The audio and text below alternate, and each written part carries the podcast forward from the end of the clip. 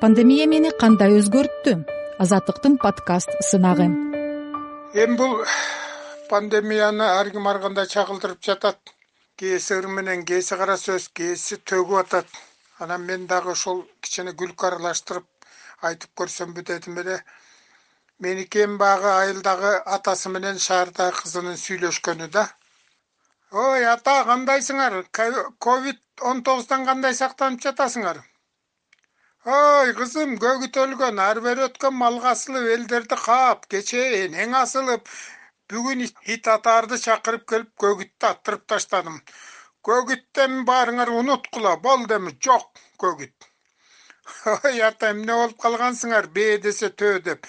Деги бет кап тагынып жүрөсүңөрбү энең кара жерге кирсин? Баягы чоң энеңден алган каптарды аркандарды көтөрмө чылбырларды бүт чычкандарга жетирип күнүбүздү кытайдын мүшөгү менен жибине түшүрбөдүбү? Ой кызым илгеркидей кап соккондор болсо кап берип жибер эгим бышып калды.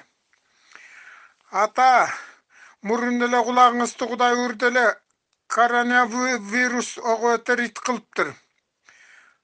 Ой кызым куран ирис берип жиберейин дейсиңби кураның арабча болсо кереги жок айылда арабча окуган киши жок.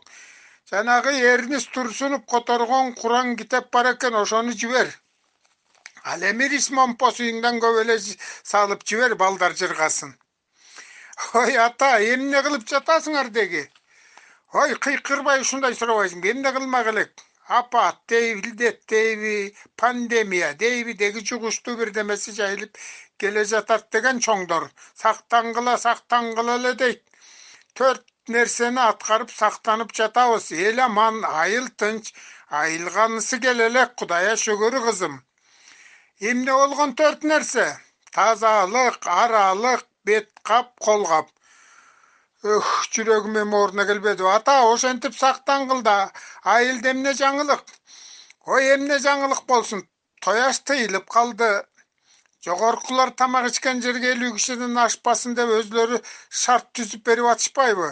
Баары айыгып бүтмөйүнчө токтото турса болмок.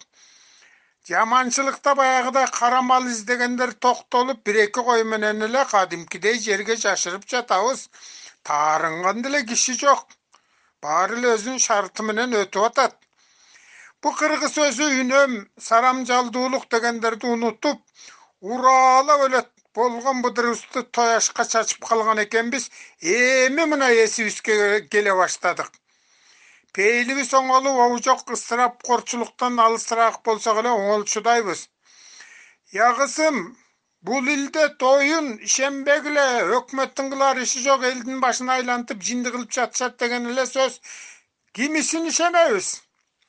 Ата эч кимдин сөзүнө ишенбегиле бул илдет менен дүйнөнүн эки жүздөн ашуун мамлекети жугусулуп ооруп жатышат.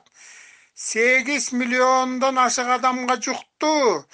Төрт жүз миңден ашыгы каза болду же жанагы ушакчылардын тили боюнча төрт жүз миңден ашуун адамдар ойноп атып омурткалары сынышыптырбы ата ошондой ушак тараткандарга ишенбегиле ошолор кыргыздын биринчи чыккынчылары. Аман эсен болуп жанагы төрт нерсени дайыма аткарып тургула. Тазалык аралык бет кап кол кап. Атасы менен кызынын кебин тыңшаган келдибек ниязов бишкек шаары пандемия мени кандай өзгөрттү? Азаттыктын подкаст сынагы